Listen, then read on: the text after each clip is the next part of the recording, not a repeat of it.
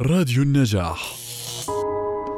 تعد الفترة من الرابع والعشرين ولغاية الواحد والثلاثين من أكتوبر الأسبوع العالمي للدراية الإعلامية والمعلوماتية من كل عام. حيث أدى كل من الانتشار والتكاثر الهائلين إلى التضليل والمعلومات المغلوطة مما يزيد من ضرورة نشر معلومات واقعية ومتاحة في الوقت المناسب ومحددة الأهداف وواضحة وسهلة المنال ومتعددة اللغات ومستندة إلى العلم. حيث تلح الضرورة لأن يتحد جميع الدول الأعضاء لمواجهة التحدي الذي يطرحه التضليل والمعلومات المغلوطة. كما أن الدراية الإعلامية والمعلوماتية ضرورة لتحقيق التنمية المستدامة.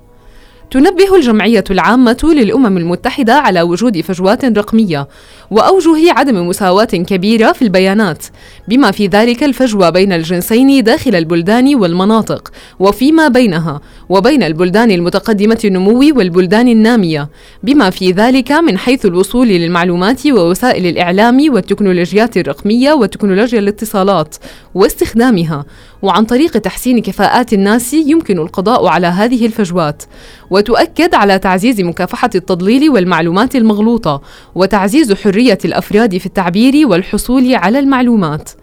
يدعو هذا الأسبوع إلى إدماج الشباب في سياسات واستراتيجيات ومبادرات الدراية الإعلامية والمعلوماتية وإشراك الشباب بنشاط في الترويج للدراية الإعلامية والمعلوماتية. ولا بد من التعريج على أثر أزمة كوفيد-19 على الدراية الإعلامية والمعلوماتية. فقد قامت الأمم المتحدة بإدارة الوباء المعلوماتي.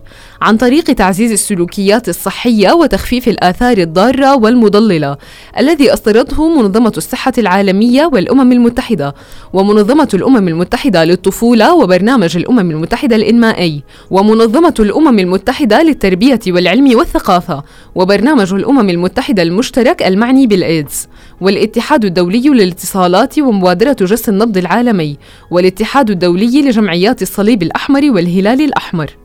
وأنتم مستمعون. هل تصلون بسهولة للمعلومات الصحيحة دائما؟ شاركونا آراءكم. بيان شاهين لراديو النجاح.